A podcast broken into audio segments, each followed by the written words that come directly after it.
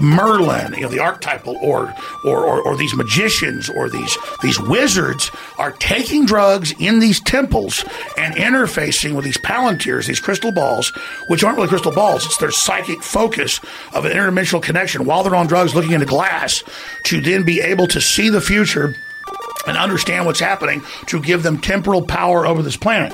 But like the Bible tells you, any pharmakia or any of that always leads to destruction because only evil is going to come through that way.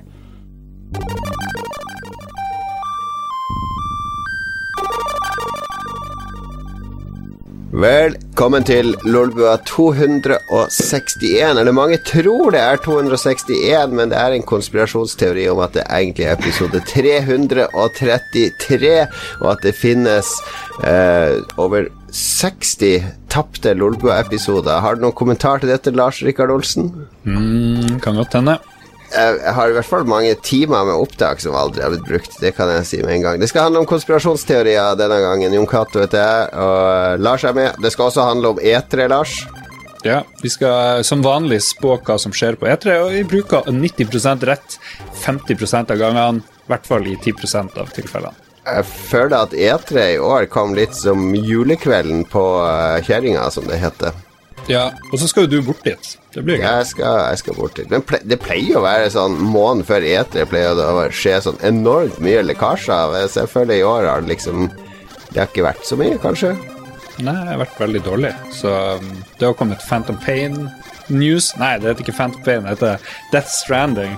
Den har liksom ja, lekka masse andre ting eh, med vilje før siden de driter i etere, tydeligvis. Nå, da. Vi, vi, vi, skal snakke mer om etere og spå litt senere. Vi har også med en gjest. Uh, for det, Hvor mange ganger har du vært med nå, Katarina?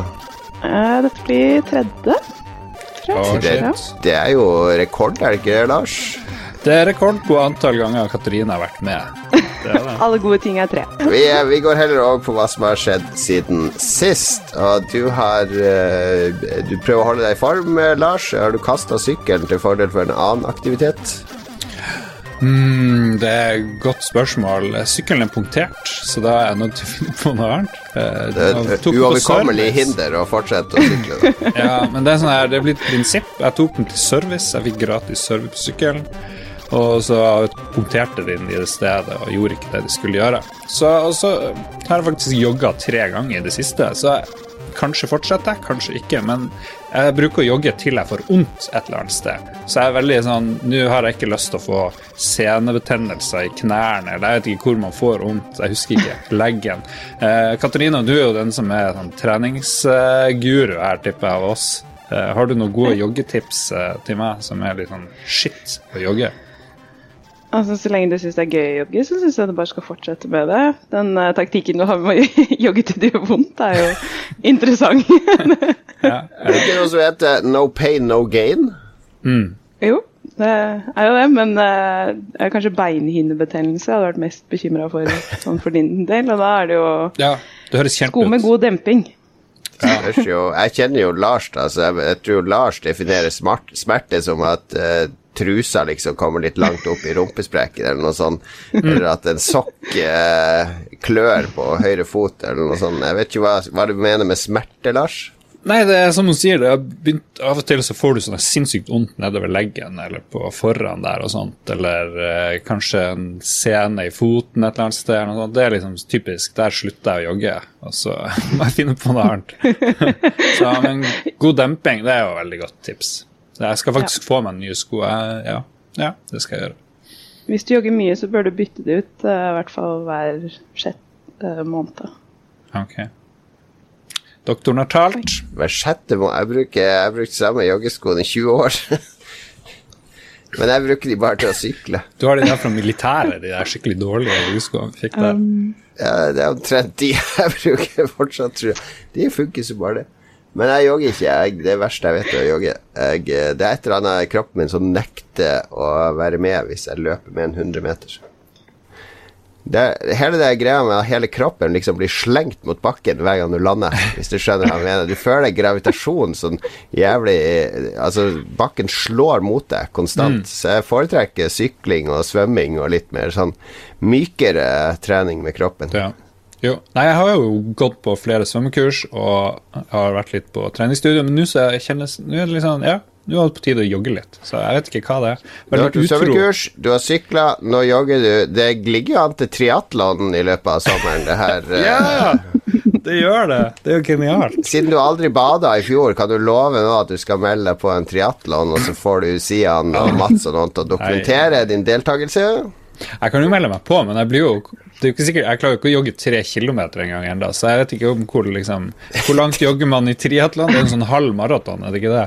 Og så er det sykle dritlangt. Det Du er, skal liksom svømme altså rett opp på sykkelen på stranda, altså sykle søkkvåt bortover eh, en mil, og så skal du løpe.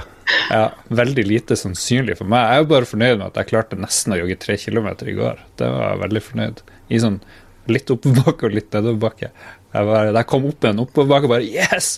Jeg er Iron Man! Så kanskje jeg skal Kanskje det går mot det, da. Jogga du rundt uh, I gamle dager, hvis du gikk på Heggen i Harstad, når du skulle springe 3000 meter, så måtte du springe to ganger rundt sykehuset.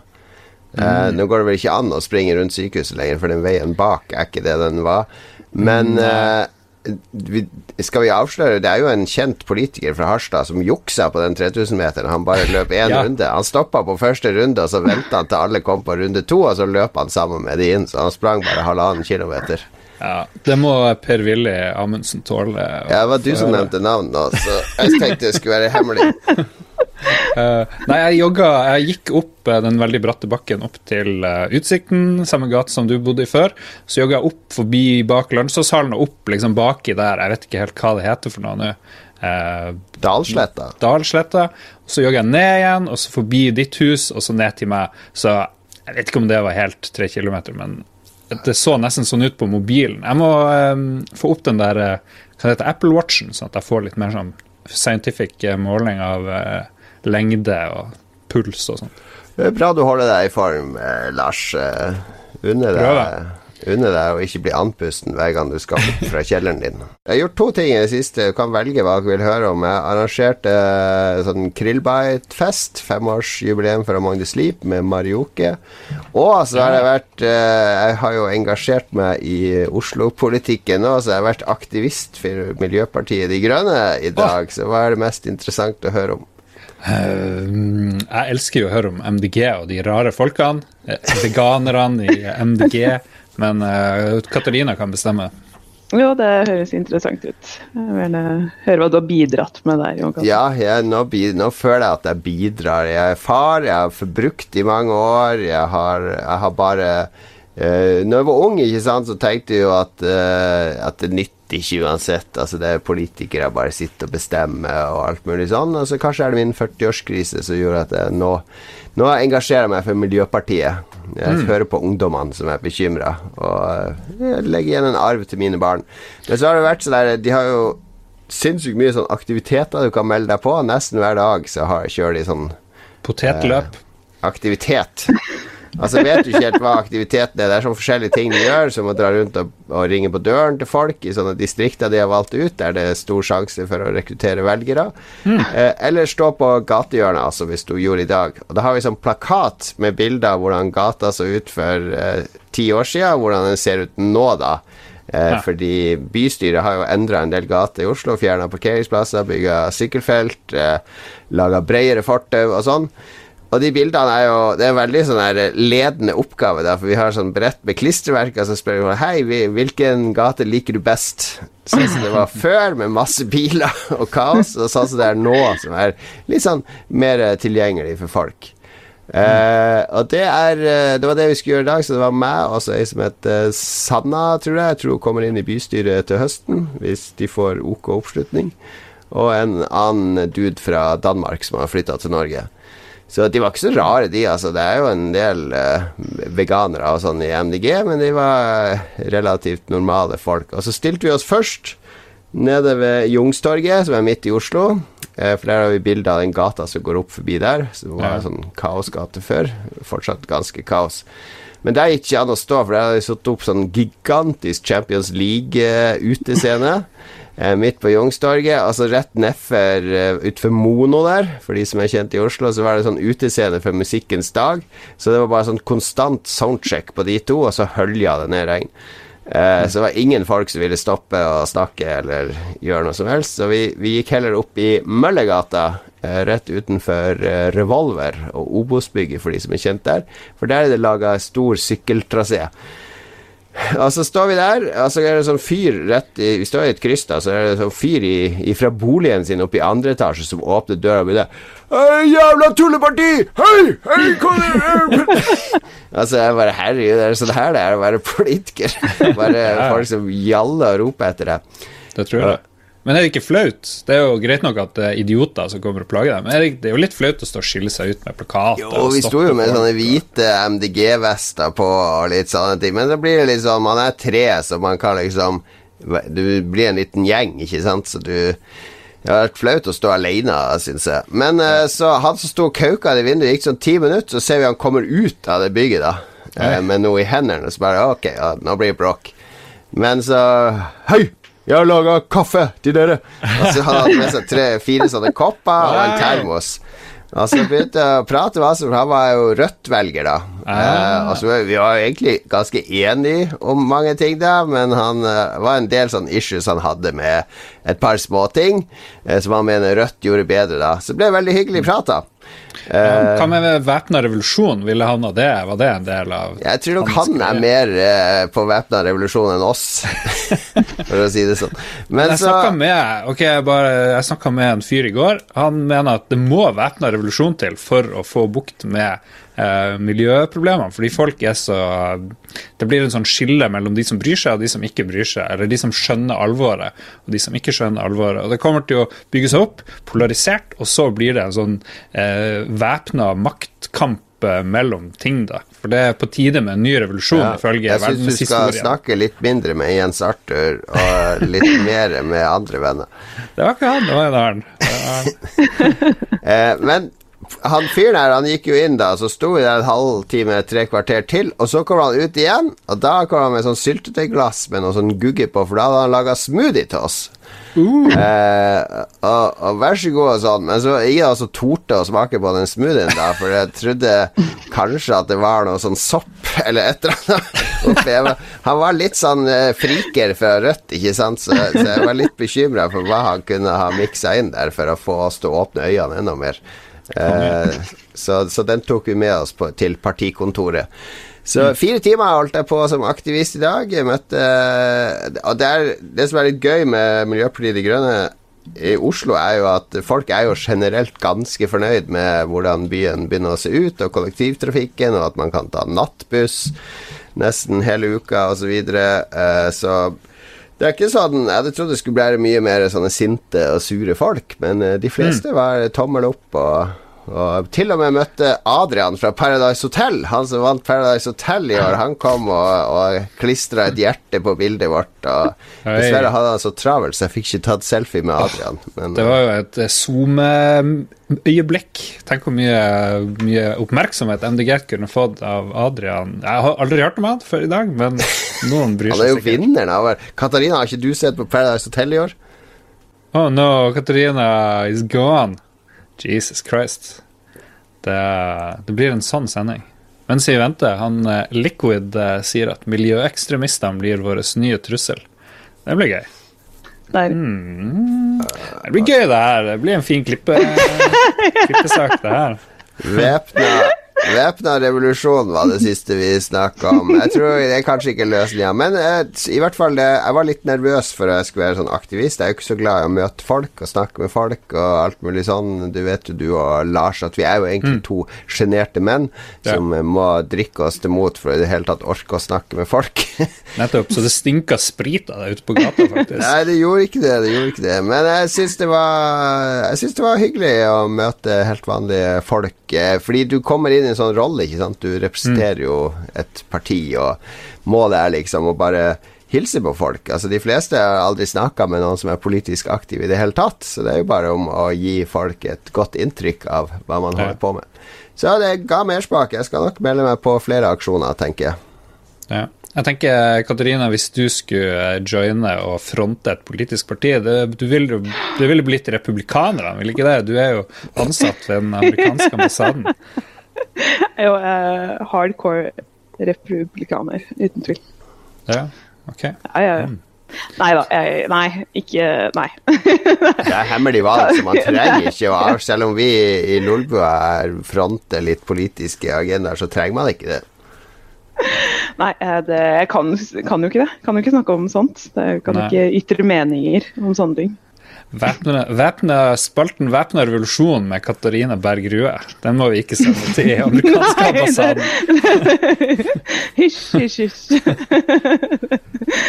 All right, det var nok om min aktivisme. Jeg ser Katarina har et navn skrevet opp på hva hun har gjort siden sist. Ja. Altså, jeg har ikke gjort det navnet siden sist, bare sånn for å klare det.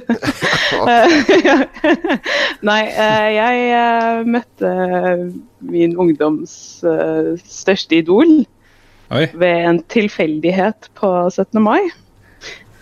Så jeg var Spears? Godt gjetta. Ja. Ikke Britney Spears.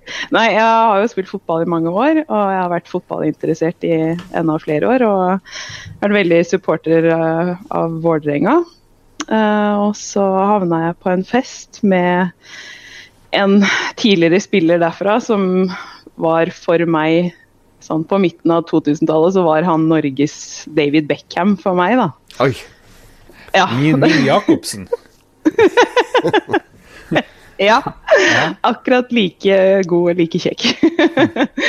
Nei, eh, jeg møtte mm, Freddy Dos Santos.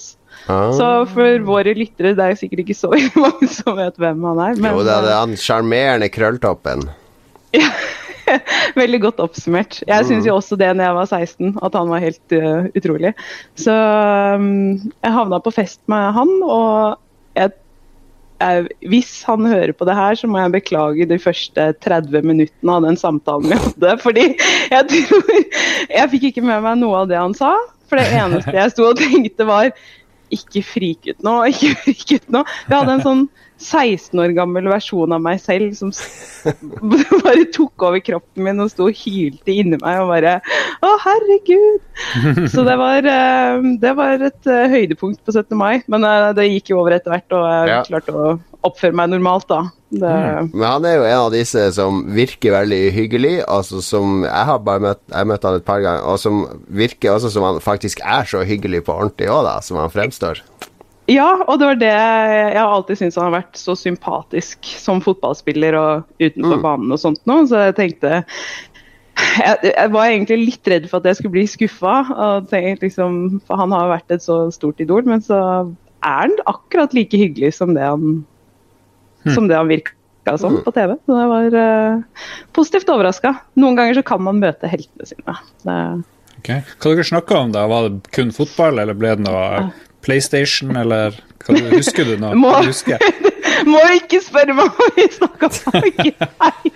Altså, første gang jeg møtte Freddy Dos Santos, var på starten av 2000-tallet på en visning av This Is Football, som var Sony PlayStation sin eget forsøk på en fotballserie. Jeg tror de ga ut tre versjoner eller noe sånt før de bøyde av for Fifa. Men da husker jeg han var på et sånt PlayStation-arrangement og skulle fronte det spillet. Ja. Nei, vi det, tror Vi snakka noe om psykologi uh, av en eller annen merkelig grunn. Det var, det var, jeg var ikke helt til stede under samtalen, så da, jeg må beklage det. Men han var veldig hyggelig. Det husker jeg. Så, Moro. Det eneste kulere Vålerenga-spilleren du kunne møte, er jo selvfølgelig han eh, Runar Nordmann, som hadde en veldig kort karriere i Vålerenga. Harstadværingen. Husker du han, eh, Lars? Uh, jeg, husker, jeg husker han så vidt. Vel, vi, jeg tror vi stopper der. Veldig hyggelig at du fikk møte Freddy Dos Santos. Tok du en sånn eh, god vits med om han ikke snart skulle oppgradere til Freddy Windows Santos, siden eh, Dos er eh, Det er en bra nei, icebreaker. Nice. det burde jeg ha tenkt på. Hadde jeg klart å tenke, så hadde jeg sikkert eh, tatt en sånn, men det gjorde jeg jo tydeligvis ikke.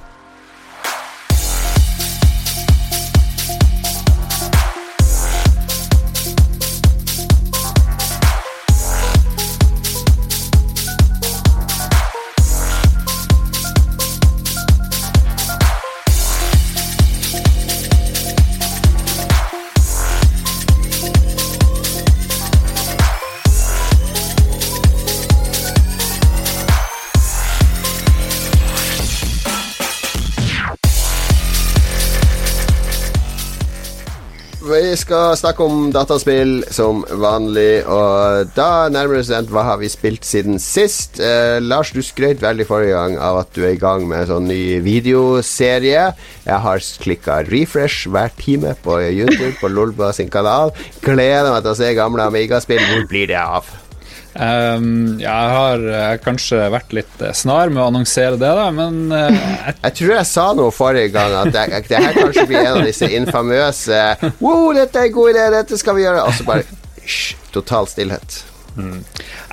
Det, det, kommer, det kommer. Men jeg beklager at, at det, det, det, har tatt sin tid. Men vi har altså, jeg og Mats, spilt både Turrican og Nord og Sør.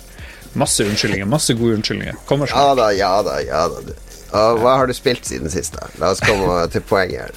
Jeg har spilt uh, med uh, selveste Katarina Berg Rue, uh, FPS-dronningen. ja, du trenger ikke å si etternavnet hennes hver gang. fordi jeg bare si det. Det er, liksom, det er en fin rytme i det. Katarina Berg Rue.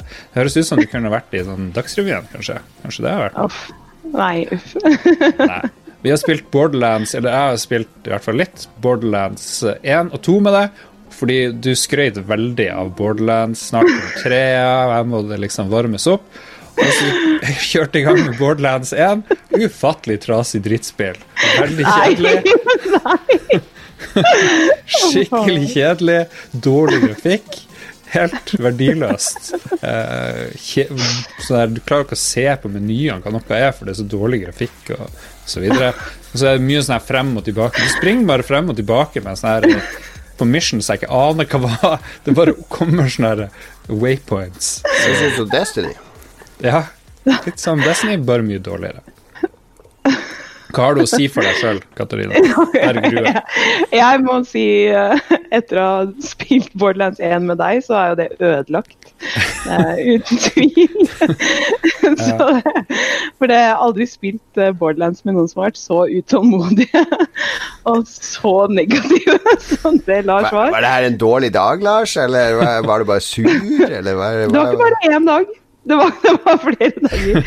Så det, flere ja, dager? Vi ga jo opp. Ja, vi ga opp Borderlands 1-prosjektet. Borderlands 1 holder ikke mål i det hele tatt. Heldigvis så Borderlands 2 tar seg opp. Det, da var det faktisk gøy eh, med å spille det. Så valgte han der Hva heter den klassen jeg valgte? Psycho. Psycho, Psycho. Ser, det liksom, ser ut som en stor versjon av de her karene som bare springer mot deg med bombe og sånt. Ish. Eller jeg vet ikke. Det er det jeg tror. Ja. Og så, og så, er han bare psycho. Han bare, Specialen hans er at du slutter å bruke våpen, du bare springer og slår folk med en klubbe. Og i mitt tilfelle dør veldig ofte hver gang jeg prøver å bruke den der specialen. Men eh, sånn spillopplevelse, så er det bra. Det jeg ikke liker, er han der eh, Ok, alle vet hva Borderlands er, ikke sant? Det er et first person shooter i et sånn postapokalyptisk landskap, og så kan du spille Coop, som jo er veldig gøy. Og den beste mekanikken, den er når man dør, så kan du A. Redde deg sjøl ved å skyte en fiende, eller B. Eh, bli redda av kompisen. Og det er jo da jeg har det mest gøy, når Katarina eh, blir skutt. og eh, hun liksom Enten som hun klarer å drepe noen sjøl for å våkne opp, eller som er redde henne, eller motsatt. Så har det blitt sånn konkurranse om å ikke dø og ikke bli reviva av den andre. Og der forsvant to Katarina igjen. Ja, fantastisk. Spark denne kvinnen ut av vår podkast. Så for å summere opp her altså du, Det er sånn veldig intern kniving om å ikke dø fordi det er en ydmykelse å bli reviva av Katarina og Lars, og det er en ydmykelse for deg, Katarina, å bli reviva av Lars. Er det sånn? Ja, det stemmer. Det er helt riktig. ja. Det er ikke så... noe gøy å dø. Ja. Det, det, men det, det, det, gir meg jo uh, en idé til en sånn spillmekanikk i sånne co-spill at hvis du den som reviver deg, kan velge et plagg som karakteren din må ha på seg, altså sånn klovnehatt eller mm. noen sånne dumme røde sko, eller noe som, off, som, du, som du blir liksom flau av å ha på seg. Det hadde vært en ganske kul mekanikk. Så han, han som er sånn dårlig og blir reviva de andre hele tida, han blir jo ikke seende ut til slutt. Han går rundt i tangatruse med en uh, strap-on på panna og en diger klovnenese og to sånne uh, Ronald McDonald-sko. Uh, du får liksom Du mister kontrollen over utseendet til din avatar. Det høres ut som en veldig god idé, Jon Cato. Jeg copyrighter det her. Jeg må bare finne et fancy navn på den sånn der, uh, som du kan trademarke. Så, så skal Ja, der skal jeg tjene penger på. Veldig bra. Veldig bra dere gir meg sånne ideer som jeg kan ta meg inn i selskapet mitt. Kan kjøre en sånn game jam på det. Coop-helvete eller et eller annet. Coop-helvete, det blir tema på NME Gameplay neste år. Eh, Tenker jeg Kaja og NFI går for. Eh, Katarina, hva, du har spilt en rar forkortelse her på hva du har spilt. Jeg er ikke helt sikker på hva du mener. Nei, altså det er ikke en forkortelse. Spillet heter eh, SON. SON. Ja, eller Sun, eller Ja. Det er et uh, Det er et uh, horror game som er fra et uh, bitte lite studio som heter Reggie. Så det er det eneste spillet de har uh. så langt. Um, så det er førstepersonsspill hvor du Du har jo ikke noe våpen eller noe sånt nå, men du, du er en kar som leiter etter sønnen din da, i, uh, i en skog i Pennsylvania.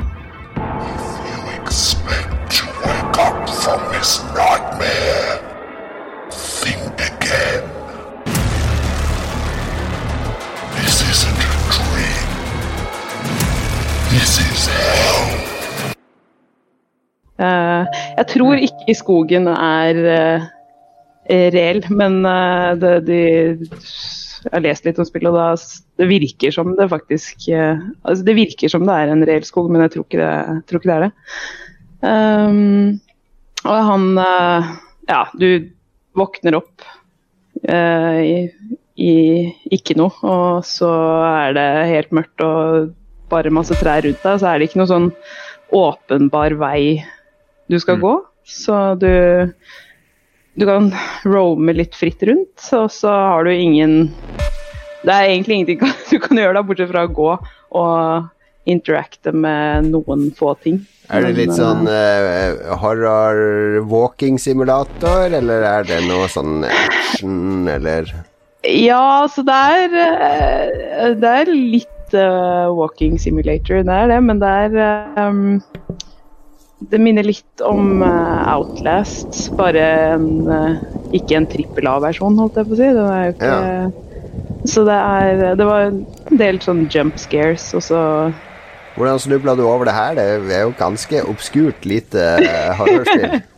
Ja, jeg er veldig, jeg er veldig glad i skrekkspill. Jeg syns det er veldig artig. Så så jeg Det så veldig gøy ut på Jeg Ja. var bare innom PlayStation Store, så Jeg har ikke hørt noe om det, men eh, det var eh, Jeg har spilt gjennom det. Det er ganske kort, men jeg tror kanskje du kan Jeg tror du kan bruke lengre tid, for jeg, jeg gikk bare rett på Altså, du kan sikkert gå mer rundt, men det er på en måte du har sånne hytter eller lys plassert litt sånn rundt strategisk på Mm. kartet som du kan gå til. da. Eh, Er det noe story, liksom? Eller vet du hvem Ja. det er, eller går du bare og vaser i nei, du er, eh, du er en eh, kar, hva var det han het da? Robert Anderson eller noe sånt nå heter han. Han har mista sønnen sin Jay. Hi, it's about 5.15. I was just wondering what you're doing. Maybe you're already gone. Desmond was listening and she thought your answering machine was you, so she wants to talk. Hi, Daddy. Hi, Daddy. Eh, og da, så gjennom spillet så, så er det en del sånn skrift i blod og sånn neonlys og sånn langs liksom veien du går, da, som er sånn derre Jeg tror ikke han eh, karakteren du spiller har vært så veldig ålreit. Jeg tror han har vært en eh, ja, alkoholiker og muligens utro og alt mulig rart. Så han møter liksom sine indre demoner da gjennom ah. gjennom veien for å finne sønnen sin, og så må du løse noen sånne, noen sånne små sånne puzzles underveis for å få nøkler for å låse deg inn gjennom uh, Du kommer ned i noen sånne huler, og der er det sånne fengsels... Uh, sånne ja, gitter da, som du må komme, komme deg gjennom, og da må du finne nøkler, og så er det Ja, det, det, det, var, eh, det var gøy. Det er, det er ganske Det er bra musikk, og det er bra stemning. Kult. Short and okay. sweet. Så du anbefaler det? jeg hva dere sier, og nå ja. Vi hører hva du sier. det. Vi hører det. Ja, ja. Du trenger ikke Og nå knekker hun sammen. Å ja, derfor skjølte hun. Oi, oi, oi. Ja vel. Jeg tror det gikk fem minutter før hun eh, Men hun fikk fortalt noe hele spillet, da. Syklu, det er et eller annet hardware-ting på maskinen hennes, tror jeg. For å bli ferdig må vi bare kicke henne ut, liksom, og så gjør vi det ferdig, eller hva vi skal gjøre for noe. Det Eh, vi har jo ganske mye vi skal igjen. Ja, vi har det. Eh, hva sier chatten? Skal vi, skal vi kicke ut Katarina? Nei, vi kan ikke gjøre det. Det er dårlig gjort. Jo, jeg spiste havregrøt. Ja, der er en Hører du oss? Nei. Det er vel Jo, jeg, Ja, det det. ja, jeg har til sammen fire lydfiler til deg nå, Lars. så Dette blir kjempebra. Ja, det blir helt konge. Ok, uh, South of eh, Nowhere står det vel at det kanskje er en forkortelse for. Det er SON, etter det jeg klarte å google Ah. det fram. Eh, det er veldig kjent tematikk da, med sånn alkoholisert forelder og barn og, eh, og sånne ting. Det, det har jo eh, Det kjenner jeg fra andre horrorspill òg, uten at jeg skal nevne navn. Eh, Men er det, er, det, er det sånn David Cage, David Cage-knapp Ja. i spillet, der du kan rope på sønnen din når du går rundt i skogen Jay! Jay! Jay! Nei, du kan ikke gjøre noen ting. Du kan, du kan skru på en radio som du finner. Eh, Da, og den fungerer bare når du er ute i skogen, ikke når du kommer ned i Ja. Så, det er, så det er veldig lite Det er veldig lite du kan gjøre. Du kan plukke opp nøkkelen, og så kan du åpne gitteret. Det er basically det som skjer. Og så- jo, og så på slutten så må du ta et valg, og jeg valgte tydeligvis feil. Men jeg skal Oh. ikke, jeg skal ikke spoile, men Det er sånn parseremoni mot slutten. Er det en eh, hovedperson som snakker med seg sjøl underveis? Eh, Som har en sånn Nei. eh, monolog gående?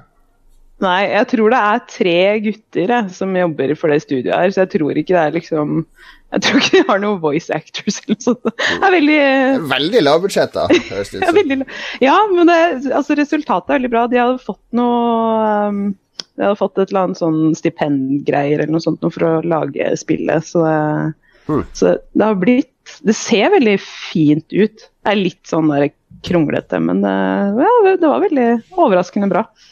Alright, kult med en liten eh, Et eh, ganske nytt spill som noen jeg har spilt for en gangs skyld, eh, Lars. Jeg håper du skriver ned.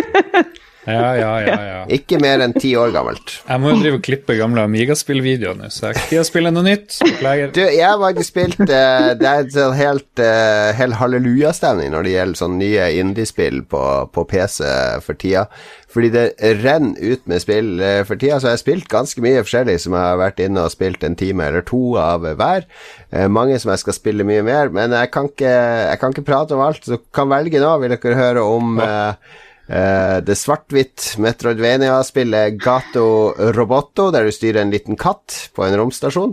Eller vil dere høre om Void Bastards, som er et tegnefilmaktig førstepersons uh, rogue-skytespill, også satt i verdensrommet. Eller vil dere høre om Outer Wilds, som er den store nye snakkisen der du utforsker et solsystem? Katarina får velge.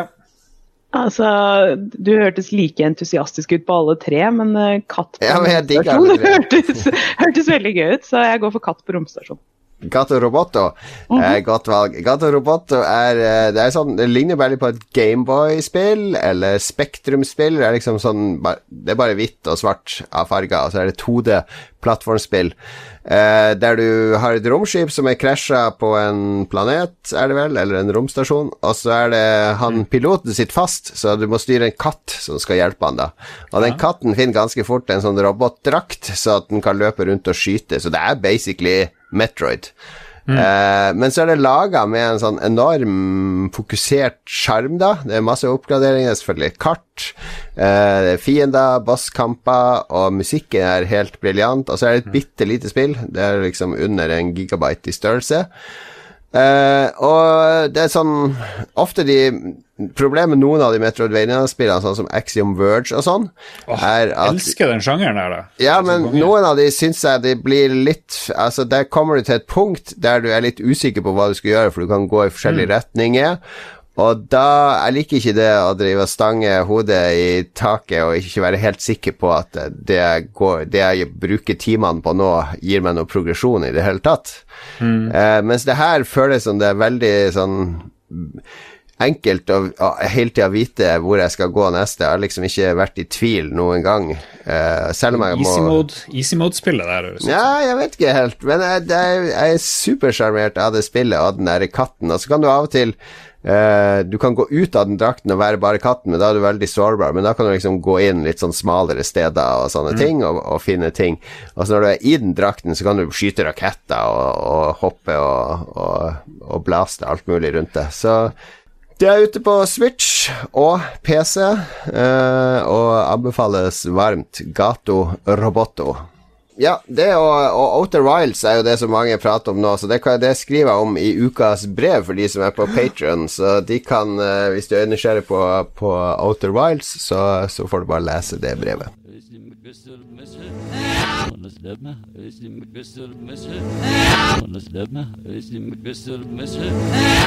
Da har vi kommet til dagens første av to spalter, nemlig konspirasjonsspalten. Og her skal vi se om vi klarer å avdekke Er det CIA som hele tida avbryter lydopptaket til Katarina hver gang hun sier eh, statshemmeligheter?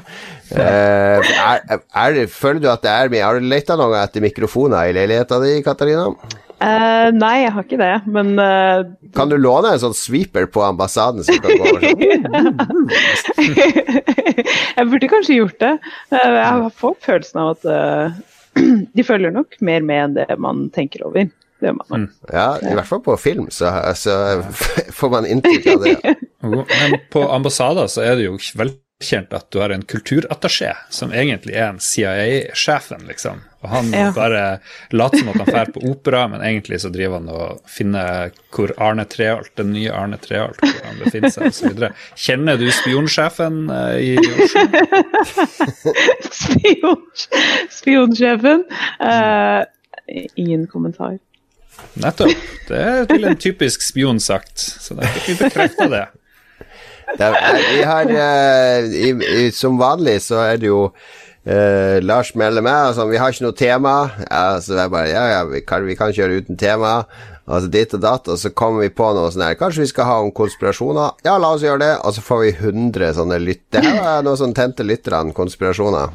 Ja, og det var jo faktisk Katarina sin idé. Fordi Hva det som skjedde, Katarina? Nei, jeg, var ute på løpetur på Sognsvann, og når jeg kom tilbake til bilen, så var det en eh, sånn der flyer som var festa på bilen min. eh, Fra Flat Earth uh, What? Believers, ja. Ja. Så, der, så var det sto da informasjon om uh, ja, så, du tror at verden er rund. Ja, Dette er grunnen til at den ikke er det. Og så var det liksom bilder av at vi var inni et uh, terrarium, eller hva det heter for noe. Og så ut ifra hvordan han skriver og uh, hvordan hjemmesiden ser ut, så tror jeg det er en 13-14 år gammel gutt som har lagd alt det her. Men eh, ja. Ja. Så, det er flat earth. Det, det, er det, det er det som stemmer. Det er jo veldig gøy med flatjordfolkene. Det er utrolig gøy. Det er liksom, De bruker GPS, ikke sant, hvor du skal navigere. GPS kun mulig hvis du har satellitter i bane rundt jorda osv. Så, videre. så eh, Ja, det er Men det går går ikke rundt jorda. Nei. Det er jo helt feil. Nei, Ja. for, altså det går rundt, for jorda er jo rund den Mm. veien, men ikke, ikke sånn. Det som er gøy, er at du kan i hvert fall se i stjernekikkert opp mot diverse planeter og se at de roterer. Og det er jo veldig rart at de planetene skal rotere, og jorda ikke gjør det. Det er ganske Ja, men, Så det er veldig rart. Vi vi har jo et svar på alt det her, Lars. Det er jo en dokumentar på Netflix om de her Flat Eartherne, Ja. og det som skjer, er hver gang noe blir motbevist, så bare finner de på en annen teori rundt det, da, men de gir aldri slipp på hovedteorien, da. Nei, nei det er litt sånn Ja, ja. Det er litt rart, det er det.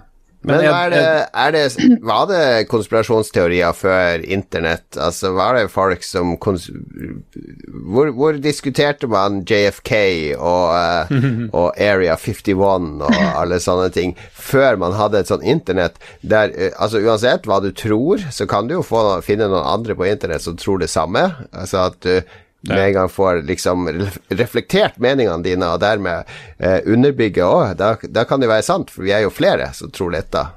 Det, det er et veldig godt spørsmål. Du må, det akkurat som å være del av en veldig liten gruppe før var vanskelig uansett hva det var, om du var homofil eller hva nå enn. Så må jo det å være flat earther før vært veldig ensom tilværelse eh, noen gang. Kanskje de hadde sånn flyer eller sånn fansign, jeg vet ikke hva det heter. Jeg husker når vi eh, studerte i Oslo, Lars, så oppdaga jo vi, eh, vi Vi leste vel begge den boka Illuminatus-trilogien til han Robert Anton Shaw, hva det han heter? Robert Anton Wilson, eller noe sånt.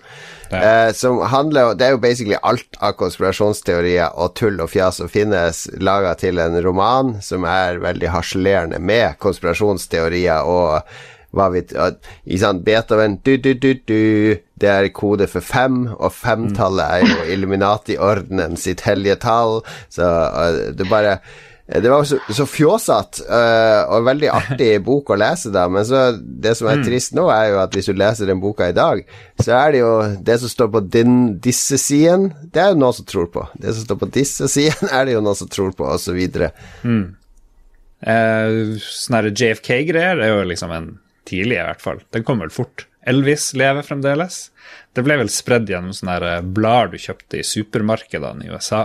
Jeg lurer på om USA er sånn her eh, hotspot for Ja, for det, crazy det er sant. Det, det er jo eh, Hovedkilden til konspirasjonsteorier der borte var jo sånne magasiner som National Enquirer og News of the World og hva de het. Som var sånne eh, magasiner med eh, bilde av en alien på forsida, eller en baby med to hoder som eh, er funnet i en skog i Amazonas og sånne ting. Altså sånn Åpenbare fake news. Så det, det beste i Norge var vel en slags variant på disse magasinene. Jeg elsker det her, og vi har jo fått eh, en haug med konspirasjonsteorier fra våre eh, lyttere, så vi kan liksom vurdere dem. Vi kan finne vår favoritt blant uh, lyttere. Eller jeg vet ikke om du har Du har allerede en favoritt, uh, John Cato.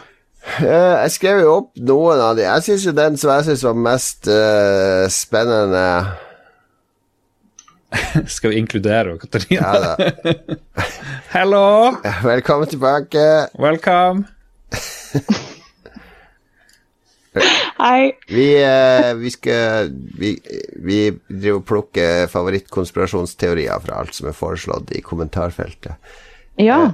Så jeg må si, den jeg falt for, er uh, den om Finland. At Finland Ja. egentlig ikke eksisterer.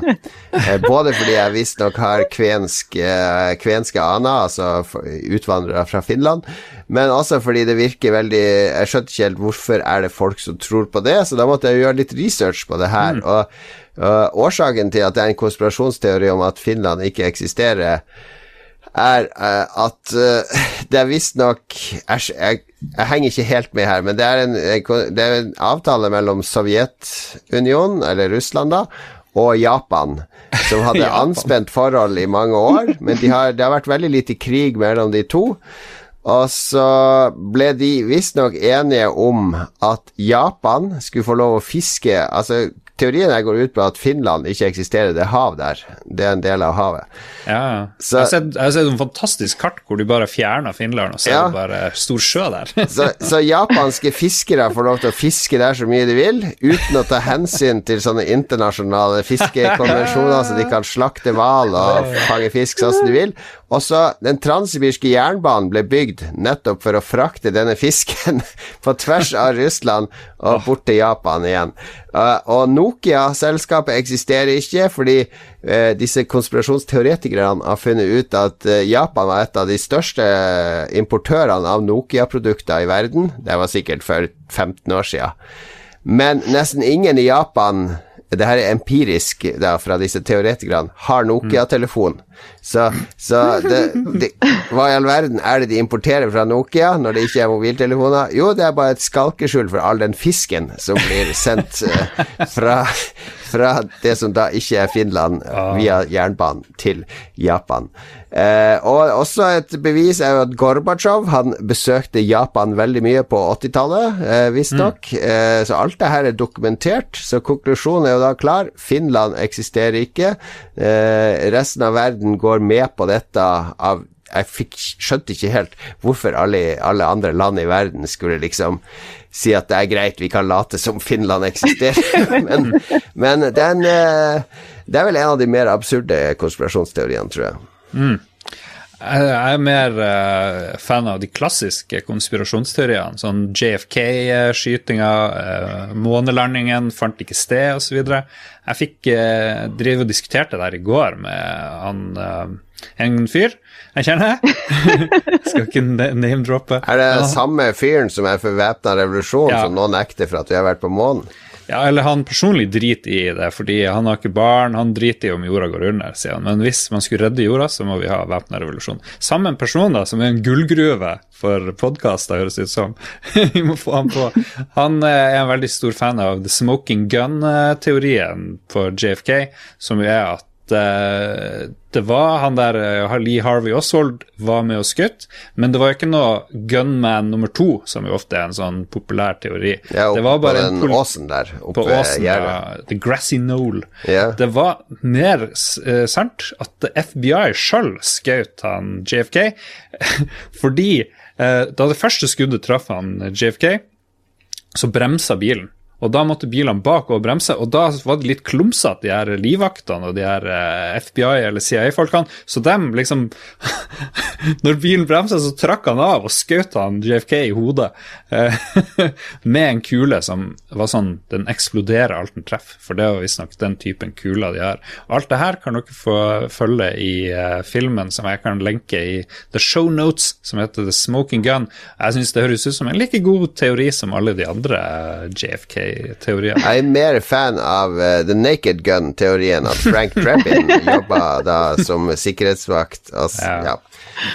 Jo da. Og så er jeg veldig fan av den månelandinga. Og det, for de som syns det er gøy, så er det jo den her fantastiske filmen som vi har nevnt flere ganger, Room 237, hvor det blir snakka litt om eh, at det er mange hint i filmen The Shining, som er lagd av Stanley Kubrick, som også anklages for å være den som regisserte månelandingsfilmene, om at han plasserte sånne hinter om Og det er veldig lett å, å tolke at det var aldri noen månelanding, og det vises i den her filmen The Shining.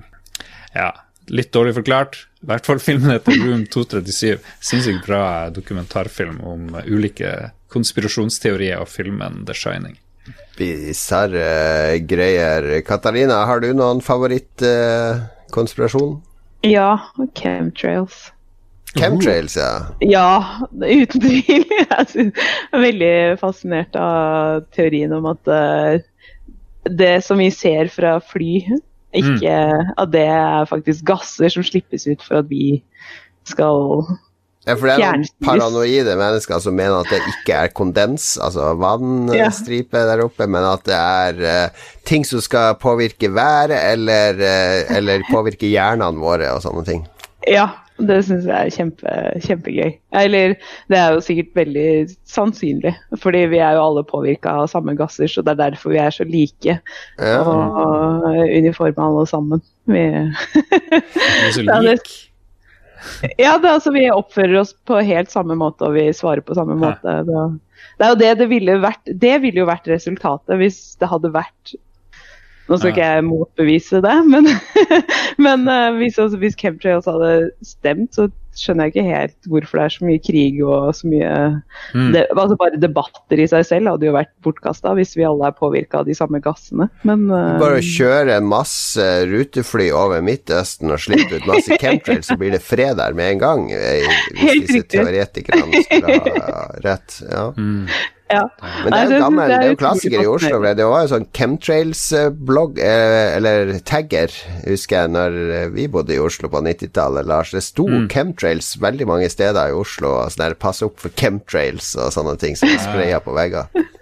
Det finnes mange typer intelligens, men har de en slags sånn dårlig kritisk sans, eller jeg vet ikke, hva er det som skjer når du driver og tror på ting som, som ja, som virker veldig teit? Jeg tror dum er vanskelig ord å bruke, men jeg tror kanskje at de føler seg utafor på vanlig kunnskap. Altså at de ligger liksom bak andre på Hvis du ikke føler at du kan like mye som, som de andre rundt deg, så er det enklere å finne på din egen virkelighet og klamre seg til den, enn å begynne å prøve å lese deg opp på ting og bli like oppdatert som resten, hvis du skjønner. Ja. Men det jo, handler jo om å ha kontroll til syvende og sist. Altså, det er jo også noe sånn spesielt eh, eller både, både menn og kvinner er jo opptatt av det, men kanskje spesielt menn, det der med å ha svære Samle på dataspill og alfabetisere de, eller plate eller LP, eller ha en sånn mancave der du har full kontroll. Og der det liksom Det er ditt lille univers, og her har jeg full oversikt over alt. Og konspirasjonsteoretiker er jo Det går litt på det samme, ikke sant? Eh, du lager deg et univers der dette har jeg kontroll på. Her er jeg en autoritet, rett og slett. Det er jo veldig trist å ikke være en autoritet på noe. Men en ting jeg lærte her, en konspirasjonsteori jeg aldri hadde hørt om før, var jo den Ja. om han eh, Jan Wiborg. Så du han eh, Det var vel han Hans Christian Klingen som foreslo det. Han med Fornebu og sånn. Ja, fordi eh, det var jo sånn at Hurum ble valgt som hovedflyplass når det sto mellom Hurum og eh, Gardermoen, og så bestilte de myndighetene en sånn eh, ekstra sånn meteorologisk måling der borte da, for å sjekke at det var helt riktig forhold til å ha en hovedflyplass der. Og så Meteorologisk institutt eller hva som gjorde det, de konkluderte med at det er for mye tåke her, så da ble Gardermoen valgt i stedet. Og så interesseorganisasjonen for Hurum, de an, ansatte han der Jan eh, eh, Wiborg til å undersøke dette nøyere. Og han eh, kom med sånn Nei, det stemmer ikke, disse målingene, og ditt og datt. Uh, og så skulle han visstnok legge fram bevis for at valget var tatt på feil grunnlag, og da døde han i København. Han, han falt eller hoppa eller ble dytta ut av et hotellvindu og falt til sin død. Og politiet konkluderte med at det er selvmord. Det, dette er jo Du skjønner jo at folk blir konspirasjonsteoretikere. I Hurum tenker jeg det er en stor sånn Wiborg-kult som, som driver og gransker på dette. Nei, Jeg synes jeg liker den der. Jeg har hørt om den der eh, Hurum-konspirasjonen. Og det er jo, jeg tror det finnes dokumentarer på sånn eh, TV2 eller et eller annet med sånn eh, weird shit. Vi burde grave det opp. Vi må lage en eh, egen eh, egen konspirasjonspost hvor vi samler Jeg har også lest litt sånn forskjellig. Eh, Project Bluebeam er kanskje min favoritt av de rare jeg ikke har hørt om. Hvor NASA og FN prøver å orkestrere the second coming, ikke av Christ, men at Antikrist skal komme. Og noe greier. Og de, de driver og lager kunstige jordskjelv, blant annet. Og mind control-triks, og det, det er helt fantastisk. Project Bluebee. Men der blir det sånn konspira altså Det er jo sånn konspirasjonsteori uten mål og mening. Altså skal Det blir sånn Jeg vet ikke hvor vi skal begynne Ja. når vi skal angripe den. Nei, det er, men også er der er 2001 Space Odyssey er et sånt instrument for å forberede folk for uh, antikrist. Jeg er veldig fornøyd med at, så, at ingen foreløpig har, uh, har eh, fått med seg at Magnus Tellefsen egentlig er død, og at det er hans lillebror som har tatt plastisk operasjon. Uh, og derfor han måttet gi seg i Lolbua, fordi lillebror var ikke så interessert i å drive podkast med oss. Så vi, vi stagea det da at han slutta, uh, for å dekke over hans død, og han er nå av og til med i Radcrew. Han er ikke så, med så mye, ikke sant? Det er fordi at han lillebroren til Magnus har ikke tid. Det blir for lett å avsløre hvis han er for mye. Nå har vi avslørt det, da, så da kan dere slutte å konspirere rundt det. da Nå har vi sagt sagt hva sannheten er. Ja. Skal vi se, Det var Christian Tjessem som tipsa oss om chemtrails. Raymond Eikås Kaspersen vil at vi skal snakke om Majestic 12, som er noe er sånn eh, det høres ut som et jenteband. Høres ut som en jenteband Majestic 12 fra Japan. Tolv Ja. damer. Vi aner ikke hva det er. Eh, for noe. Det er, det er, det er eh, fem tolvåringer, kan det være, hvis det er fra Japan. uh, Jesper Niklesen. Uh, månelanding med Kubrik, det har vi nevnt. Shakespeare-koden til Petter Amundsen, mente Jørgen. Det er en NRK-dokumentar. Sjekk den ut, det er litt spennende. Det er en, en nordmann som har funnet masse koder i Shakespeare. Ja. Hollow Earth, klassiker. Ubåter i Sverige, russiske ubåter i Sverige. Århundrets konspirasjonsteori. Ja vel. Man kan jo ikke se den grense under vann! Jørgen Mathias Grøttem, Paul McCartney is dead. Den er jo kul. Hvis du hører en eller annen låt med Beatles baklengs, så sier de Paul is dead, tror jeg det var. Det, sa, det spilte musikklæreren vår i eh, sånn tredje klasse, fjerde klasse i Kirkenes da jeg var liten, husker jeg. Veldig fascinerende. Ja, det er, det er sånn uh, der, der er du altså, Produsenten vil ikke at det skal komme ut, så bandet i desperasjon De legger inn en sånn hemmelig beskjed som må spilles baklengs, i stedet for å bare si fra til avisene Hei, Pål er faktisk død. Det er, hvor, hvor, hvor, Det er magisk. Det er magisk. Og Philip, til slutt, da. Den sykeste teorien er hvordan Final Fantasy 7 ikke er tidenes objektivt beste spill. Mwah! Ah, fikk Philip med F lurt seg inn der òg. Foreslår at vi tar pause der, og så skal vi se om vi klarer å hanke inn og eh, Stakkars. Det er jo ikke noe gøy å ha så mye issues, Nei, det er sikkert uh, litt flaut, men det går helt fint. Don't give up, eh, Katarina. Don't give up. Nei, og gitt opp. Det her Jeg håper de som ser på, lager det her til en drikkelek eller noe sånt. Sånn at Ja, det det er et godt forslag. Skal vi se, da Eh, da er vi fra når du ferdige. har starta ditt opptak. Vi er er ferdige med konspirasjonene nå, så da skal vi begynne på E3-ting, eh, tenker jeg.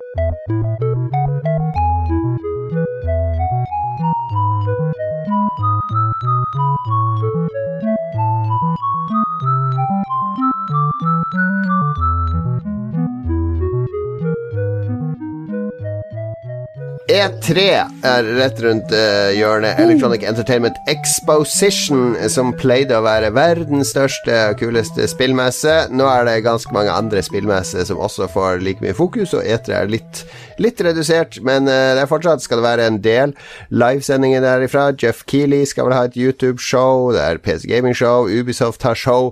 Eh, Xbox skal vel ha en totimers sending. Det blir vel en Nintendo Direct, og sikkert en eller annen PlayStation Direct, eller hva de kaller den kopien sin. Så det blir nok annonsert ting. Allerede vært eh, Death Stranding og andre ting. Så vi skal spå litt hva som skjer på, på E3 neste uke. Og uh, jeg eh, det, det er litt vanskelig spalt for meg, fordi jeg vet en, noe som skjer, men det er ikke oh. ting jeg kan prate om. Så jeg, og da kan jeg heller ikke begynne å spå for det, for da må jeg liksom spå feil med vilje, og så blir det sånn konspirasjonsteorier, og så uh, jeg, oh. Dere kan spå. Jeg skal jo dit bort, da. Det blir jo spennende. Ja. Um, det er bra at vi ikke har fått 1300 dollar i måneden på Patrion, by the way, for da må vi lage E3-show. Så det, vær vær så snill, ikke gi oss mer enn 1300 dollar i måneden, alle sammen, for da Men eh, ja, jeg tuller. Gi oss 13 000 dollar. Wow. Skal vi se. Noen mener da at eh, han George RR Martin og From Software kommer til å annonsere et nytt spill. Eh, George R.R. Martin, skaperen av tabbeserien Game of Thrones og bokserien Song of Fire and Ice, har jo drevet droppa hint om at han driver og holder på med et eller annet eh, spill. Og siden han hater å skrive bøker, og heller gjør alt annet enn å gjøre ferdig Game of Thrones-serien, så tror jeg på de ryktene at det kommer noe noe sånn der uh, shit. Jeg vet ikke hva det er, for han har jo skrevet både science fiction og fantasy og masse Det forskjellig. høres jo logisk ut, fordi, ikke minst fordi From Software de jobber vel strengt at det ikke er sånn offisielt med et spill nå. De hadde jo Sekiro, så de har gitt ut, så hva noe Og de er ganske effektive. De produserer jo spill i høyt tempo, så de burde være klare til å vise fram noe. Ja. Hva vi tror det kan bli, da? Hva er det George R.R. Martin eh, er gira på å gjøre? Jeg tror kvinnelig helt er, det, er det eneste jeg vet. Det er det jeg tror, jeg tror det blir. drager. Drager. Kvinnelig helt, drager. Kan det være Er det så frekt at de lager et Game of Thrones-spill? Han må jo ha rettighetene til alt som er Game of Thrones, liksom. Det er ganske mange Game of Thrones-spill allerede laga av franske Cyanide, og det er tror jeg til og med Artplant i Norge lagde et webbasert Game of Thrones-spill for flere år siden. Altså det, det, de rettighetene er spredd ut på alle mulige typer spill og plattformer. Ja, ok. Ja vel. Nytt framspill eh, med George R.R. Martin involvert, eh, det er det helt sikkert. Eh, Jeg kan, jeg kan komme med noen spådommer. Jeg tror han der Patrick Hva het han som gikk ut av EA, han svensken? Patrick Søderberg, var det det? Ja, noe sånt. Ja, Han har jo fått hundrevis av millioner til å starte sånn eget studio, uten å egentlig ha noe å vise til, verken folk eller ansatte eller prosjekter. Så jeg tror kanskje han dukker opp på scenen hos Xbox med, eh, for å vise et Mm. eller annet som de har begynt på, av noe sånn stormannsgalskapsprosjekt. Så Patrick Søderlund eh, spår jeg, da. Ja.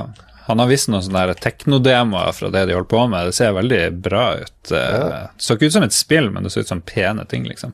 Eh, Katarina, har du noe, er du, er du interessert i E3, liksom? Brukte du å følge med veldig på det?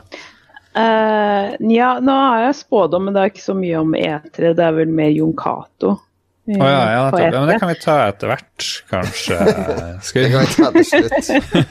Her har du en hel liste, 20 ting som du forventer at jeg skal ramle ut i på etere. Det gleder jeg meg til å høre. Nei, vi må ta de Jeg kan ta en til. Eh, blir dette etere Peter Molyneux sitt store comeback? Uh, det er Jeg, jeg må si jeg savner han. De gangene jeg møtte han på etere eller vært på ting som han har presentert. Den der lune engelske eh, farsstemmen. Eh, Den entusiasmen, den derre What an amazing media we're working in, everybody. Ja, det, det, det, er noe, eh, det er noe Han er som en dyne. Han er som eh, komfort, får jeg føler jeg når jeg hører på han.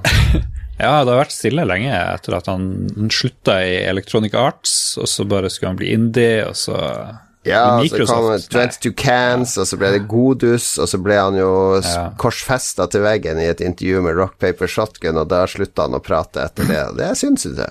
Vi, vi eh, spiller vårt eh, i Krillbite Among the Sleep på en av de første messene der de viste det fram. Der var jo Peter Molyneux, og så klarte de å grabbe tak i han og, og fortelle han om konseptet, og vet du hva han svarte da? Nei. What a wonderful idea! som er så Peter Molyneuxsk som det kan bli, ikke sant? Så han, eh, han elska spillideen, at du var et lite barn.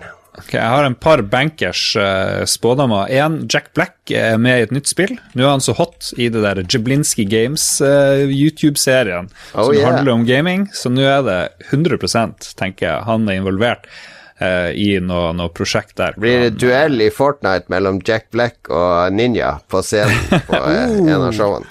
Oh, ja, han må jo Noen må ha prøvd å kapre han opp på scenen til et eller annet. Ja, det er jeg helt sikker på.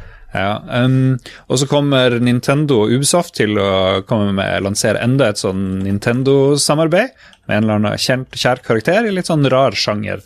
De gjorde det jo veldig bra med det der uh, turn-based strategi-greia, hva nå enn det heter for noe. Hva det heter for Mario noe? versus Rabbits. Ja, så det var ganske kult. Mm, og så tror jeg Sjokker det er kanskje bare ønsketenking, men jeg tror at FES 2 gjør comeback eh, på E3. På PC Gaming Show-delen, kanskje. Eh, Jeg har uh, eh, hørt uh, i mine miljøer at uh, den godeste Phil Fish holder på med et eller annet. Ok, Men det er kanskje ikke FES? Jeg, jeg håper det. det. De viser jo en logo eller noe sånt en gang, og da bare fikk jeg lyst på mer eh, FES. Eh, kommer det til å være noe sånn hardware news, eh, tror vi? PlayStation 5, ny Xbox Det er jo snakk om en ny Switch, men alle har vært, som har vært i ekstase for det, det har vært litt sånn kalddusja der nå, for det er vel kanskje mest sannsynlig snakk om en Switch for det kinesiske markedet, som er litt uh, Ja, bare litt nedstrippa eller an annerledes. Ja. Ok. Jeg tror det kommer en ny Amiga. Jeg bare tuller. Det gjør det ikke. PlayStation 5, da? Har du troa på det? Nei, siden de ikke er med der i det hele tatt. Hvorfor skal de gjøre det under E3? Det er jo Nei, bare det er tull. Da er det så mye annen noise. Så Men en Xbox One X 362? Ja, det tror jeg heller. Det skal også kalles Xbox 3600, eller et eller annet. Ja, hvorfor ikke? De skal ha et stort show. De er jo alene med et stort show av de her hardware-folkene omtrent. Så. De har jo allerede annonsert GamePass for PC, altså en sånn ren PC-subscription model med 100 spill i måneden og sånne ting. Ja. Uh, og så tror jeg han sjefen for PlayStation, han der uh, rottetrynet, kan han ene han heter, han kommer til å dø på scenen. Folk tror det er en sånn performance, men så bare har han tatt på seg altfor trang T-skjorte. Eh, Rottetrynet dør på scenen, skriver jeg. Jeg vet ikke, jeg har sånn u... Så Han har tatt på seg en altfor trang T-skjorte, så han dør på scenen. Ja, Det er litt spesifikk uh, teori. Jeg er litt sånn sur på han, jeg vet ikke hvorfor. Og det er veldig dårlig gjort at jeg skal liksom ønske at han dør. Det gjør jeg ikke. Jeg gjør ikke det, men det kan skje. Ja, men du blir alltid når vi har hatt liveserier, sånn, du blir sånn utrolig sur hver gang han kommer på. Ja, jeg hater han egentlig. Ja, men Du har aldri møtt mennesket. Hva, hva er det med han? Hva er det med utstrålinga til han Hva er han heter for noe? eh, Han tok over fra han Jack Tretton, tror jeg han forrige sjefen het. Veldig koselig, hyggelig fyr. Gikk i dressen som passa. Og så kom han her rottetrynet og i sånn pølse Crash Bandicoot-T-skjorte som var syv nummer for, glit, for sliten. Var ødela stemninga totalt.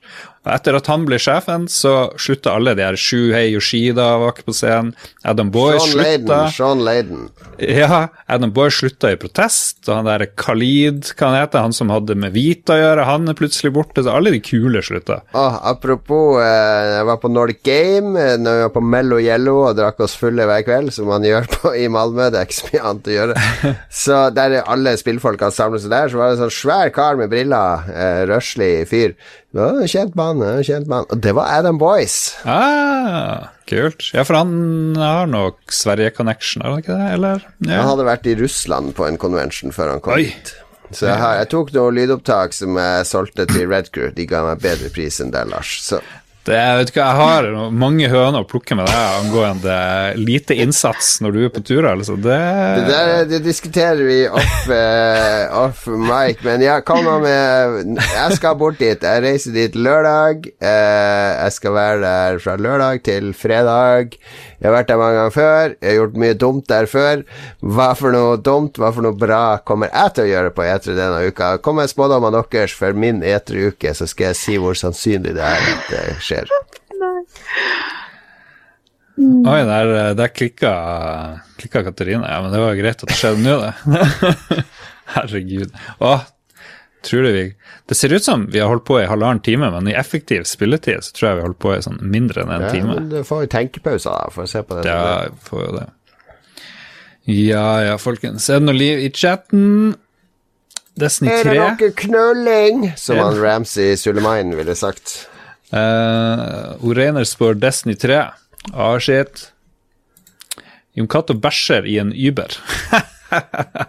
Det er eh, det er faktisk nesten tosifra sannsynlighet i prosent.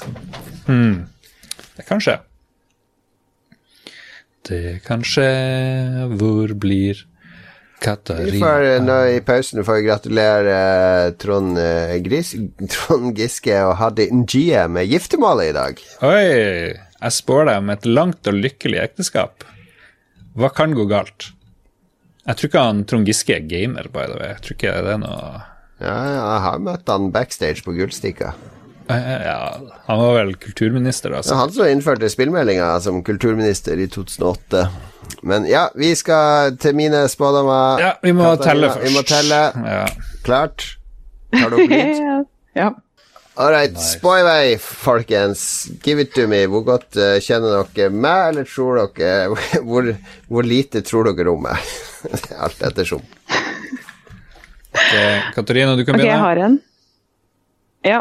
Jeg tror Jon Cato våkner opp med cowboystøvler på hotellrommet. Oh. Det er uh, Ja, de Jeg faktisk uh, har lyst til å kjøpe meg et par til med cowboystøvler, for det har jeg gjort før på Boot Barn i LA. Uh, så det er Jeg vil si det er 50-60 sannsynlig at eh, Ikke at jeg våkner opp med de Eller at jeg har de på meg, eller at de bare er i rommet. De er i rommet. Ja, nei, ja, 60% gir jeg deg på den. Good, call. Good call. Jeg tror du blir å havne i trafikkork et eller annet sted i LA. Det er 100% sannsynlig, fordi jeg lander først på lørdag og skal hente bil, og da skal jeg kjøre én time og et kvarter opp til Silver Lake, der vi har leid en Airbnb, et hus. Og så skal jeg hente to stykk på flyplassen og kjøre tilbake dit, så den første dagen kommer til å bare være trafikkork. Det er jo helt for jævlig trafikk der borte. Ja, det er det. Jon Cato havner på strippeklubb, eh, er en spådom. Jeg må være med Hvilken av de? Seventh Vale, er det ikke der vi har vært? Vel, har vi vært. Vi har vært på body Hva heter det? Body shop. Og Det var en, en var mye bedre enn den andre. jeg havner bare på strippeklubb når du er med, Lars. Det er noe med din innflytelse som eh, som spiller inn der. Det er ganske lenge siden jeg har vært på strippeklubb i LA, så jeg tror det er redd Jeg vil aldri si aldri. Det spørs jo hvem man er med, og sånn, hvis noen plutselig mm. insisterer på å dra dit. Hvis det er forretninger og sånn. Første gang jeg var på strippeklubb i LA, var det jo Microsoft som betalte oss inn. Så, så Men det var andre tider. Nei, jeg, det er så lite som 5 sjanse, vil jeg si. Ok. Jeg Du blir tror du havner i et gjengoppgjør. What? gjengopprør, faktisk. Det er jo, et, det er jo litt sjanse for det gjengoppgjør. At uh, Jon Cato handler mellom. Bloods og Crips Ja, to du drev jo ja. og ville kjøre til der Buya Tribe, et av våre favoritt, Ja, felles altså, favorittband Sist vi dro dit, så drev jeg jo og prøvde å maile med managementet til Buya Tribe om å komme og gjøre et podkastintervju med, med noen i Buya Tribe, men jeg fikk aldri noe svar. Så ja. det, Og dem er jo en gjeng, tipper jeg. ja, det er jo en gjeng med Samoans. Så ja. Eh, jeg har aldri vært i nei Altså, de LA er jo så svært, det er jo som Akershus fylke, liksom. Så de gjengene holder jo til i sine territorier. Altså, det er veldig sjelden vært å farte inn i Inglewood, eller hva det heter, de forskjellige områdene. Så um, hva- 10, 10 sjanse. ja. Uh, Jon Cato lover å ta opp lyd til Lolbua, men ender opp med å ikke gidde å gjøre det. Og kommer med en litt sånn dårlig unnskyldning etterpå. uh, 80 sjanse, kanskje. Det, men det må være situasjonen er riktig, eh, settinga er riktig. Altså hvis det er Ja, hvis jeg møter Jeg, jeg skal prøve, Lars. Jeg lover å prøve, i hvert fall. 20% sjanse! Woo!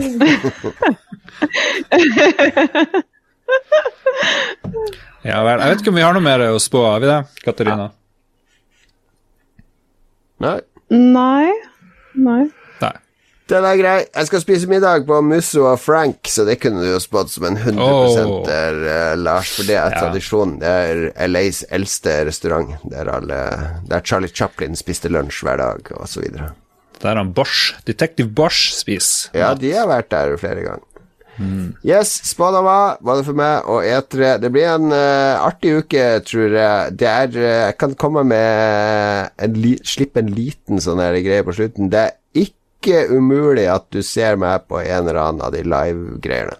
Så folk bare følg med, følg med. Oi, oi, oi. Det, da snakker vi sensasjon. Står han med lydopptakeren på scenen på Xbox-pressekonferansen?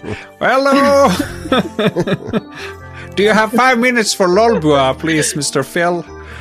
Mr. Phil! Stop the show!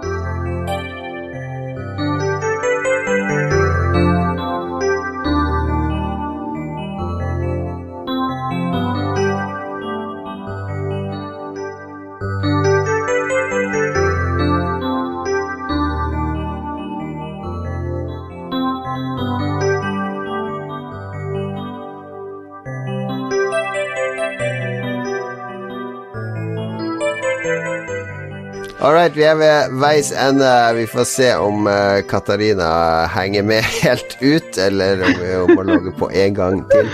Eh, det ble en turbulent sending. Skal du ha litt IT-hjelp? Skal jeg sende opp litt IT-hjelp til deg til neste gang? Er det PC-en din, eller er det mikrofon, eller Modem Jeg tror Jeg- ruteren.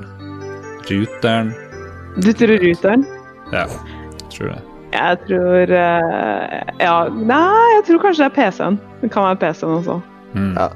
Så er vi på anbefalingsspalten, og her er det vi varmt skal anbefale noe til våre lyttere, som de kan lese, se på, høre på, spise osv., og, så videre, og de vil få et bedre liv. Og Lars, du er uh, vært uh, Du har en sånn desperasjonsuke, ser jeg, der du har sett deg rundt for å finne noe å anbefale. Ikke i det hele tatt. Ikke i det hele tatt. Jeg har en veldig gjennomtenkt um, Tidligere nevnte anonyme fyr som har meninger om både det ene og det andre. Satt jeg og spiste middag med på Barket i går. Har du ikke gjort deg noe henge? Er det en kjæreste du har fått av det her, eller? Du har ikke prata om annet enn han der fyren i hele sendinga. Hele sendinga nå er jo basert på hva han er fyren har sagt. Det har du helt rett. Det er mulig. Men han eh, flytter jo nå, så det er veldig trist. Skal vi se. Det, ok, nok om det. Eh, jeg har vært på to ulike restauranter og i Harstad og fått sinnssykt bra fiskemat i det siste. Og det føler jeg er Det har vært så bra at det fortjener en, eh, en, en, en recommendation, en anbefaling. Og da vil jeg anbefale Kafé De Fire Roser som eh, før var en vanlig restaurant, og så en kafé. Nå har de lagt ned restauranten og dobla innsatsen i kafeen. Og der serverer de en sei på risotto som er sinnssykt bra. Den beste sei-risotto-miksen du noen gang kommer til å smake. Og eh, ja Det er sånn Og så serverer de for mye. Det du bare, bare sitter og så klarer du ikke å bevege deg etterpå. Jeg mener, Det skulle gått an å velge hvor mye mat du får, sånn som på McDonald's. ikke sant? Jeg vil ikke ha en large sei med risotto, jeg vil ha en medium, takk. Fordi hvis jeg får en large, så sitter jeg jo bare og eter helt til jeg bare besvimer. Så det er en liten sånn hva er greia med. Eh, der har eh, fancy restauranter mye å lære av eh, Burger King og sånne ting. Eh, og den andre restauranten heter Bark, eh, hvor de serverer flere brødting, men en fiskegrateng som er dynka i eh, bacon og baconfett, og kanskje det er noe Det er vel noe ost, er det òg på fiskegrateng ofte? Og den kombinasjonen der og hvis du tror den der same risotto-serveringa er large, så er eh, den her eh, fiskegratengen den er ekstra large. Det føles i hvert fall sånn, fordi det bare driver og æs opp i magen din. For det er jo litt sånn her, eh, Jeg vet ikke hva som er oppi den her fiskegratengen. Er det sånn Fisk fisk og og saus og makaroni. Makaroni er det, ja. Og det bare, det bare blir en sånn vill kombo i magen, så jeg klarte ikke å bevege meg på to-tre timer etter det der, den der greia. Men det var så godt, ikke sant, så jeg klarte ikke å slutte. Så det er min korte, fine anbefaling. Alle må dra til Harstad. Bestill billett i dag. Kafé De Fire Roser, Seipo risotto og dra til Bark og et uh, fiskegratengen. Det er ikke dyrt heller. Det er liksom ja, helt overkommelig. Hvis man skal dit, f.eks. i Festspillene, så vil du anbefale å dra dit. Ja, absolutt. Ja. Veldig, veldig lokalt og bra. Det er eh, Ja, ja, det er sikkert noen turister i Harstad Ikke vær så negativ. det. Det er jo festspill, da kommer det masse folk. Jeg skal ha en uh, bokanbefaling, en bok jeg er nesten ferdig med, som jeg ble veldig fascinert av, som heter eh, The Seven Deaths of Evelyn Hardcastle, heter boka. Den er skrevet av en som heter Stuart Turton. Uh, og det er en veldig Det er basically Groundhog Day. Eh, I en sånn engelsk herregård der det er et gigantisk, eller sånn stor, middagskostymefest. Eh, og noen dør på slutten av kvelden. Altså hovedpersonen da våkner opp i en ny kropp hver dag. Altså i, i en ny gjest hver dag, da. Og gjenlever den samme dagen. Eh, og skal prøve å lø har åtte, åtte dager på seg til å løse dette mysteriet. Altså må gjenleve den samme dagen åtte ganger fra åtte forskjellige perspektiver, personer. Så han er en, han er en lege en dag, så videre. Jeg skal ikke spoile alle de han våkner opp i, da. Men eh, det er veldig rart premiss, da. Det er veldig sånn dataspillaktig premiss, fordi det er et stort kart i starten av boka over hele herregården, og, og en sånn liste over alle gjestene. Så du må liksom drive og kryssjekke i starten med Ok, han er den personen som har de og de relasjonene, og så når han er i sin andre kropp, så møter han jo igjen sin første kropp.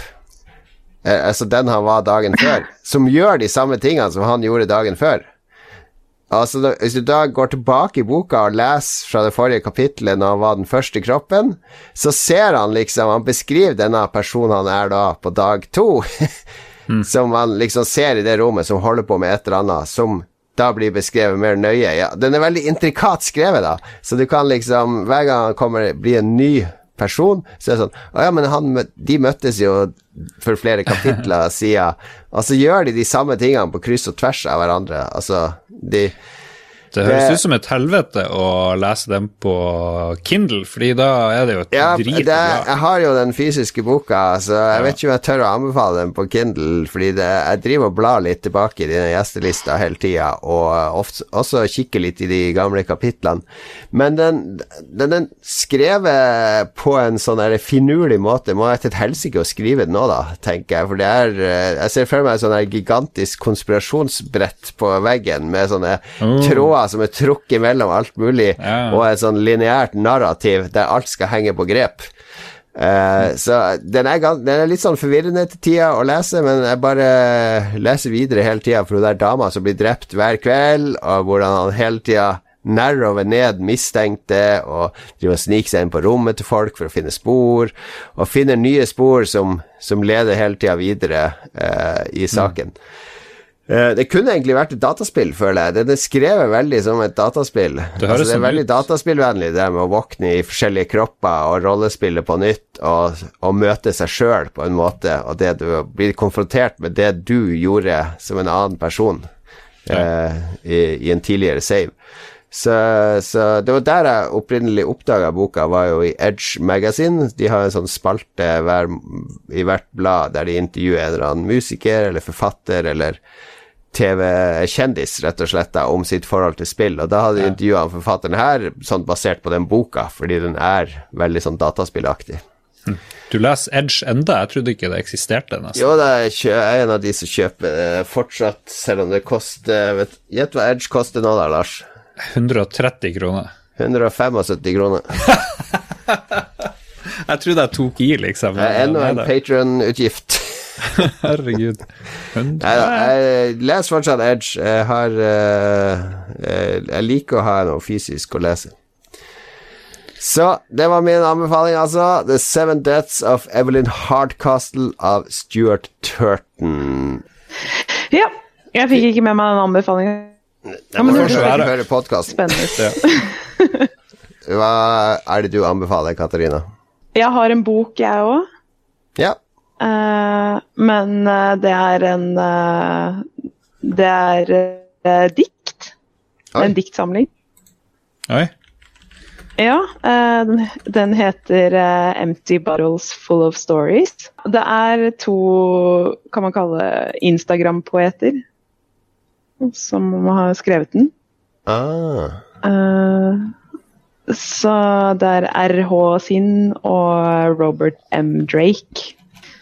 Så ja. Uh, en diktsamling om uh, Ja, de fokuserer vel mye på liv og Ja. Det er veldig, veldig, veldig fin, uh, veldig fin bok. Jeg har aldri egentlig lest dikt, på en måte. Har du, Lars? Eh, ikke sånn veldig, egentlig. Eh, jeg gikk jo på forfatterstudiet, der fikk på til å skrive dikt da, så jeg har jo Ja. skrevet noen dikt, men eh, Men det- er jo ja. limerick, da, liksom? Eller Jeg ordentlig sånn fjert, fjertelimericks, eh, stort sett. Men er du, er du glad i diktsamling? Altså, Åssen leser man diktsamling? Er det sånn der eh, med tekoppen under pleddet og lavmælt musikk og duftlys, og så bare komme i en sånn sinnsstemning og ta en tekst innover seg og meditere over det, eller er det noe man pløyer gjennom på, på senga før man legger seg? Jeg leste hele boken på kanskje en time. Ja.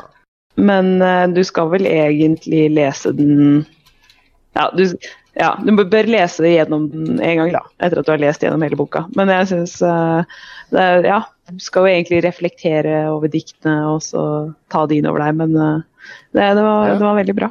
Jeg er ikke noen sånn dikt- eh, eller poesiperson i utgangspunktet, men det var veldig, Nei, veldig fint. Veldig Vet du hva jeg husker nå? For mange år siden, 15 år siden, så hadde de jo sånn dikt på T-banen. Husker dere det? På T-banen i Oslo. Så brukte de å henge sånn dikt i stedet for reklameplakater på veggene. Og de likte jeg egentlig veldig godt å lese hvis jeg satt 20 minutter på T-banen.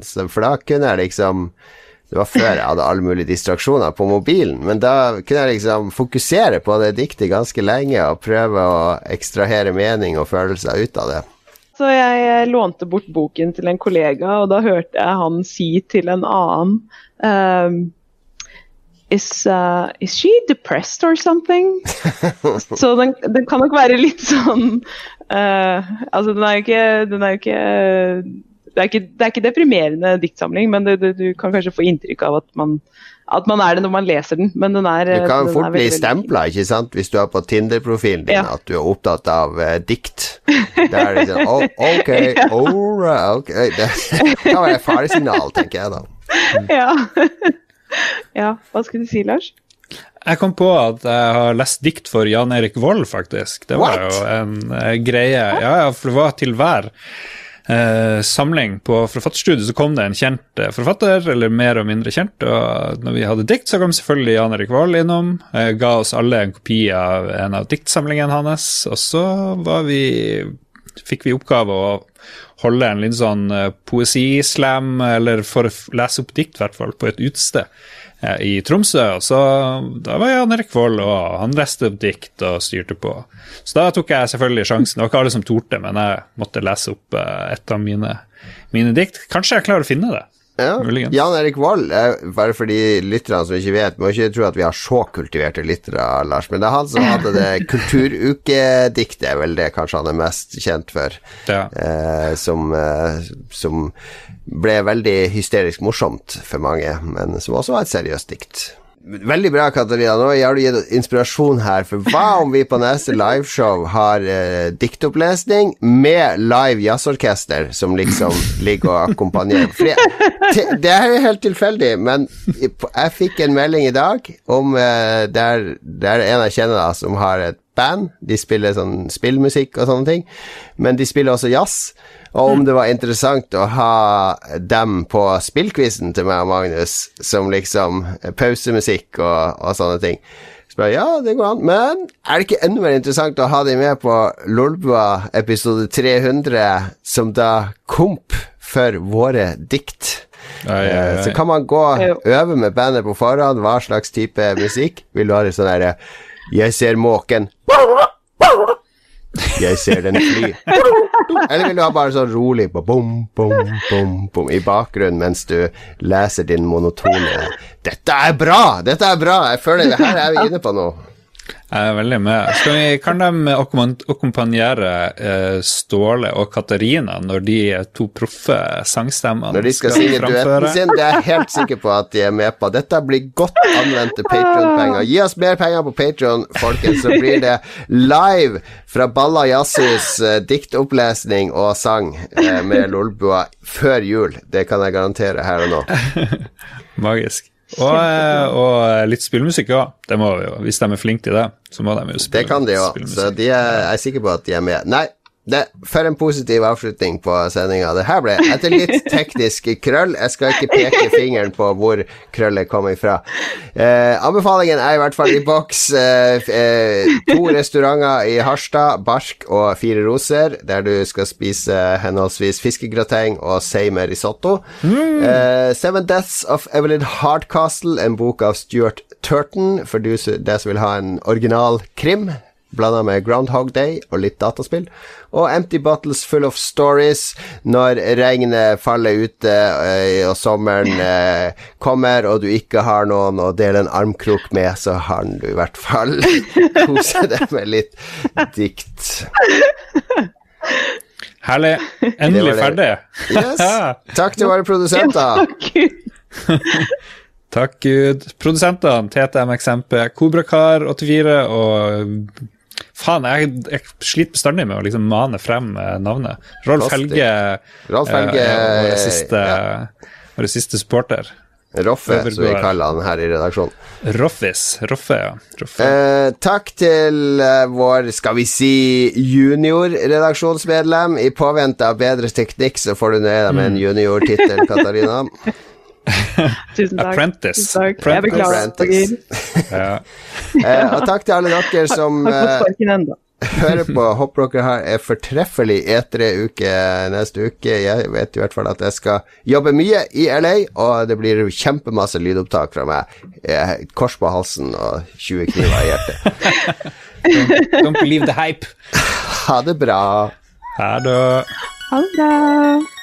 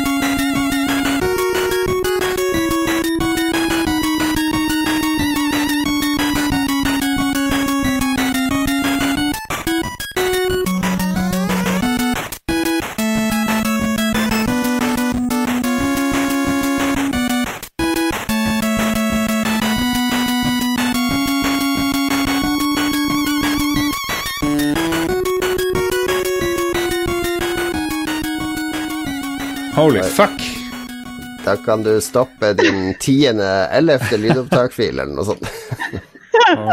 Ja, det, jeg tror vi er oppe i åtte, faktisk.